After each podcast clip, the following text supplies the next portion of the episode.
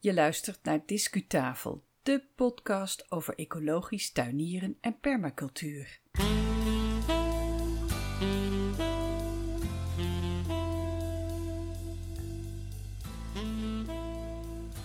Welkom bij de Discutafel podcast. Fijn dat je weer luistert. Mijn naam is Yvonne Smit en vandaag is het 31 januari 2019. Dit is alweer podcast nummer 33. Vandaag hebben we een oproep in de rubriek Discutips. En we bespreken een belangrijke basistechniek in permacultuur, namelijk die van voedselbossen. Veel luisterplezier!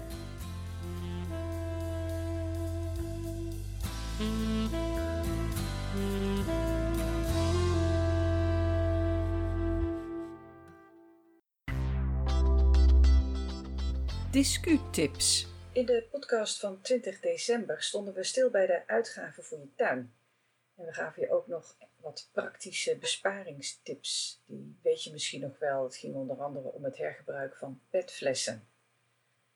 In 2019 ga ik nog vaker mijn tuinklusjes doen op een manier die mijn portemonnee dichtlaat, of zoveel mogelijk dichtlaat, en die ook ecologisch verantwoord is. Je hebt vast ook wel dat soort ideeën. Nou, wij willen die graag horen en delen met onze luisteraars. Onze oproep om je ideeën te sturen geldt dus nog steeds. De leukste besparingstips die bespreken we in een volgende podcast. En dat niet alleen. We zijn namelijk op dit moment met enkele partners in bespreking of zij daar niet een leuke kleine beloning voor over hebben. Hoe die eruit ziet, dat weten we nog niet. Dat hoor je later nog wel eens. Stuur dus snel je ecologievriendelijke besparingstips voor de tuin op en wie weet. Dat kan per e-mail of via ons contactformulier op de website discutafel.nl. Of je belt gewoon even. Kijk verder op onze site voor de contactgegevens. Discukennis. In deze rubriek vandaag aandacht voor een belangrijke basistechniek in de permacultuur en dat is die van de voedselbossen. Er wordt wel beweerd dat het woord Holland komt van houtland. Als we onze schop in de schuur zouden laten staan en het land het land zouden laten, dan zouden we na verloop van tijd vanzelf een natuurlijk bos zien groeien. Dat duurt wel even, maar het gebeurt toch vanzelf. Zo'n bos dat is een stabiel ecosysteem in ons deel van de wereld. En vanuit deze gedachte is het logisch dat je het voedselbos ook als een van de basistechnieken kan rekenen van permacultuur.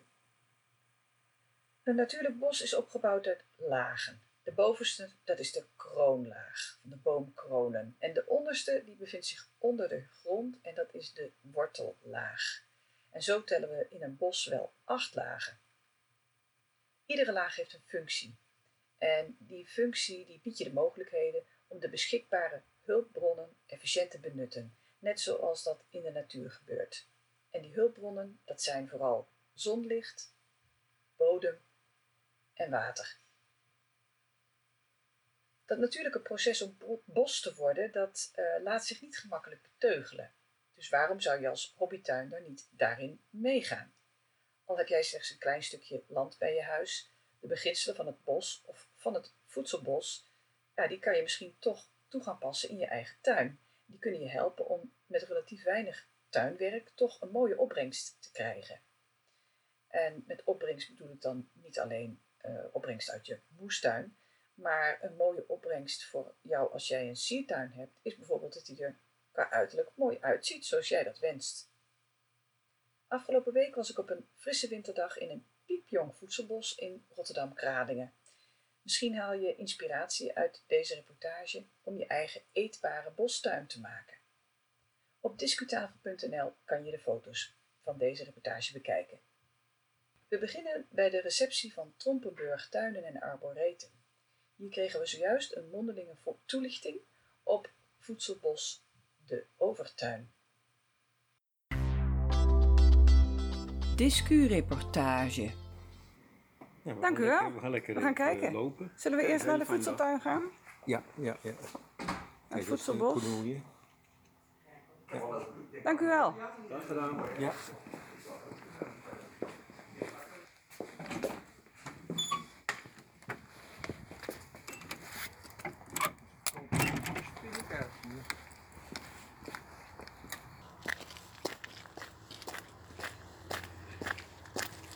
Dwars door Trompenburg lopen wij naar het voedselbos.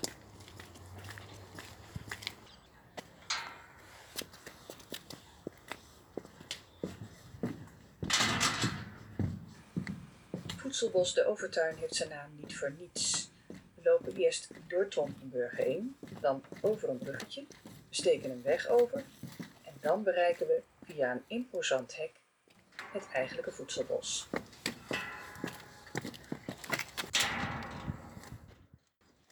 We zijn de weg overgestoken en komen terecht in Voedselbos de Overtuin. En we worden verwelkomd door een mooi groot bord met een toelichting op dit voedselbos. En hier staat onder meer: Hier wordt de rijke botanische kennis van Trompenburg gekoppeld aan het vernieuwende voedselbosconcept.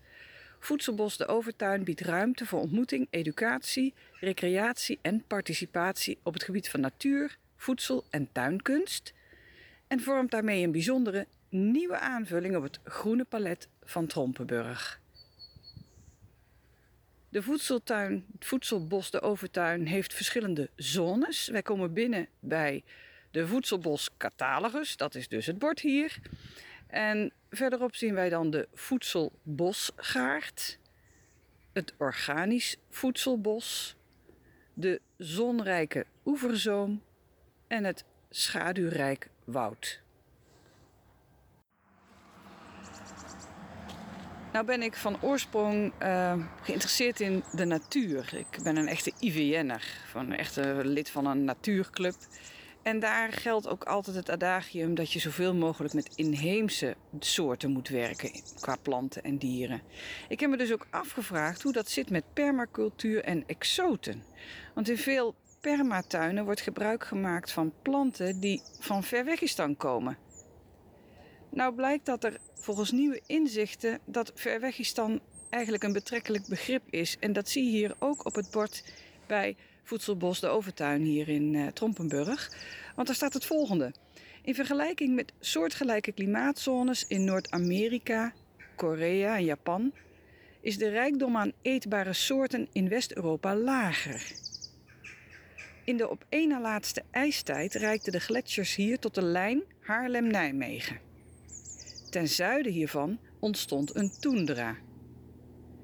In Europa was het voor soorten die naar het zuiden migreerden moeilijk om te overleven door de ligging van de bergketens als de Alpen en de Pyreneeën en de Middellandse Zee. Onderzoek heeft laten zien dat in die tijd in Noordwest-Europa veel eetbare soorten zijn uitgestorven die elders wel overleefden, zoals de magnolia en de kiwibes. Die blijken het ook nu weer goed te doen in Nederland. We zijn intussen bij de voedselbosgaard aangeland en die uh, sluit eigenlijk aan op het verleden van Trompenburg als nutstuin. Uh, maar ze hebben nieuwe voedselbosprincipes uh, toegepast, of althans voor ons nieuwe voedselbosprincipes. Zo is er de historische boomgaard, dat werd ooit de kippentuin genoemd. En ehm, dat was een uh, nutstuin. Het was een onmisbaar deel van, uh, van de historische buitenplaats die hier heeft gelegen. Tot in ongeveer uh, tot in de loop van de 19e eeuw had elke boerderij een boomgaard met hoogstamfruit. En vaak werden de fruitbomen in verschillende variëteiten gecombineerd met rabarber of met bessen. Dus ook toen al hadden ze polycultuur. Hè? Dat je dus meerdere gewassen op hetzelfde stuk grond neerzette.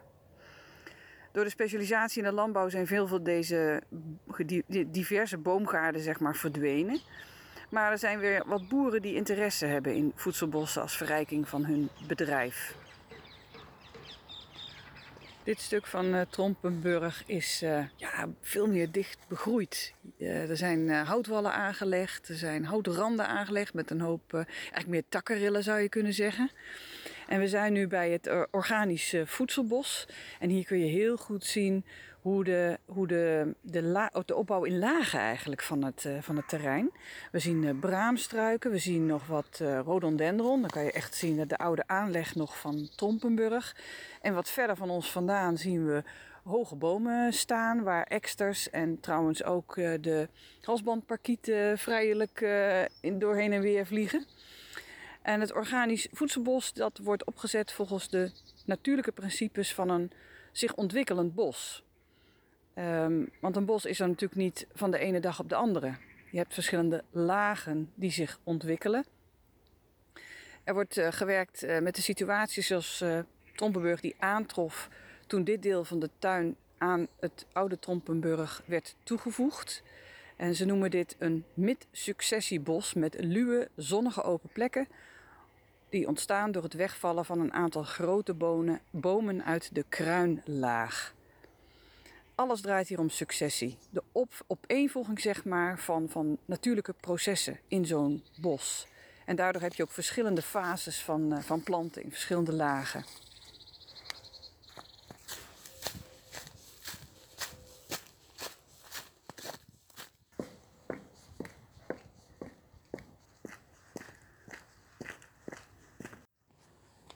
De zonrijke oeverzoom is veel meer open. We staan bij een, uh, een, een vijverpartij die een beetje kronkelig is aangelegd. Er lopen twee nijlganzen parmantig over het uh, bruggetje over de vijver. En de zonrijke oeverzoom die um, wil eigenlijk laten zien dat als je de oever op het zuiden richt, dat daar ook weer bepaalde planten goed gedijen. De grootste biodiversiteit staat hier op het bord, dat die, die is vaak te vinden op gradiënten. En dat zijn dus de overgangen tussen de verschillende ecosystemen. En dat is ook iets om in je eigen aanleg van je eigen tuin aan te denken. Maak geen harde randen, maar zorg voor een subtiele overgang om zoveel mogelijk soorten te, uh, ja, daar gastheer of gastvrouw van te zijn. De bosrand hier die markeert eigenlijk de overgang tussen de open vlakte en het bos. En de open vlakte dat is dan ja, een zeer ruim opgezet gazon met uh, verschillende solitaire bomen. En de bos is achter ons. Ja, dat moet je midden in Rotterdam een beetje betrekkelijk zien. Maar dat is behoorlijk dicht met divers struikgewas. Dat de, de Trompenburg eigenlijk scheidt van de woonwijk hier, uh, hier pal achter. Um, zoals gezegd, de, de bosrand is op het zuiden uh, georiënteerd. De oeverzoom op het zuiden. En dat is dus een bijzonder microklimaat. Eigenlijk noemen ze dit een soort uh, balkon op het zuiden waar bijvoorbeeld ook de abrikoos kan groeien. Zeker als die een beetje beschut staat tussen de andere gewassen. Het water heeft allerlei functies, maar functies die ze hier eigenlijk vooral benadrukken is de spiegelende functie van het water. Want het water reflecteert de zon en um, is tevens een, een, warmtebuffer wanneer het heel erg um, heet is. En het vermindert weer de kans op nachtvorst. Dus zo richt je het landschap in, multifunctioneel, waardoor je planten en ook dieren er goed gedijen. Ja, en waar aan de ene kant zon is, is natuurlijk aan de andere kant schaduw. En we zijn intussen aangeland bij het schaduwrijk woud. En je kunt ook um, vanuit de schaduw kan je, kan je oogsten.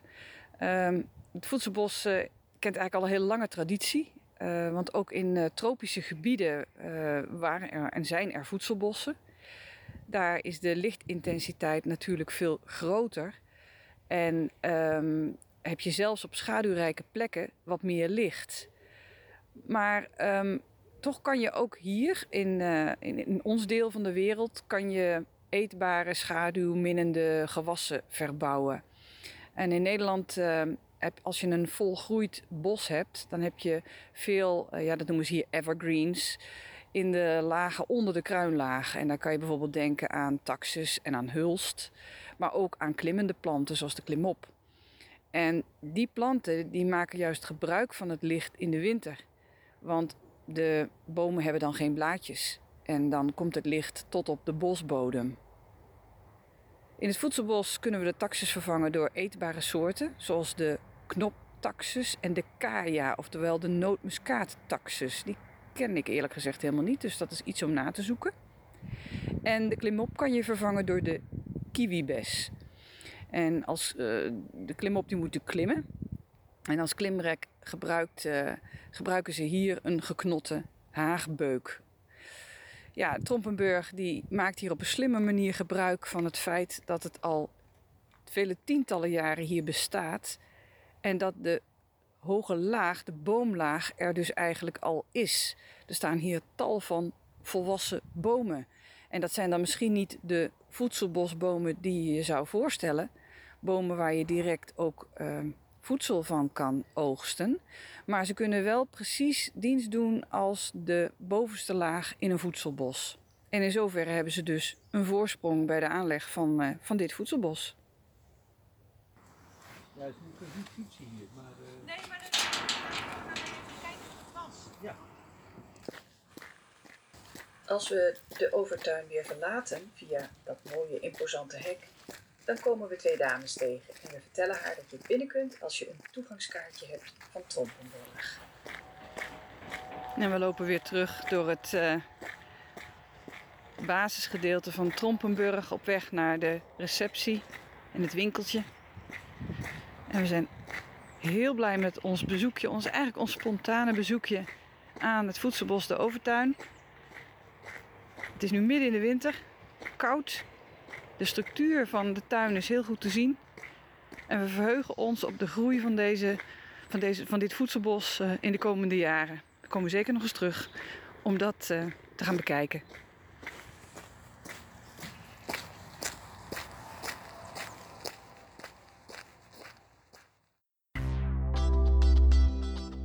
Discuslot. Tot zover deze aflevering van Discutafel podcast. Wat vond je ervan? Heb je vandaag een idee opgedaan om uh, iets van die voedselbos-theorie uh, en, en, ideeën toe te passen in je eigen tuin? Laat maar eens weten. We zitten vaak op Twitter, dus daar kan je ons gemakkelijk vinden en met ons communiceren. Maar een e-mailtje is natuurlijk ook altijd goed. Denk je er ook nog even aan om jouw ecologische besparingstip aan ons door te geven? Dat zou fijn zijn. Op de valreep nog even een tip voor onze luisteraars uit Zuidwest-Nederland en uit Westelijk Vlaanderen. Want even ten zuiden van Gent vindt op zaterdag 2 februari een zadenruilbeurs plaats met zaadvaste zaden. De plaats van handeling is Eename bij Oudenaarde. Dat is op ongeveer 1 uur rijden van het Nederlandse Terneuzen. De link naar meer informatie over deze zadenruilbeurs van 2 februari, die vind je in onze show notes. Discutafel is een initiatief van Yvonne Smit. De volgende Nederlandse podcast bevat waarschijnlijk weer een discugesprek en die zal dan gaan over een activiteit die nogal wat vragen oproept. En als dat inderdaad doorgaat, dan zullen wij dit discugesprek tevoren aankondigen via Twitter en Facebook. Hoe dan ook, er is sowieso een uitzending op 14 februari 2019. Maar ga intussen lekker naar buiten en graag tot de volgende keer.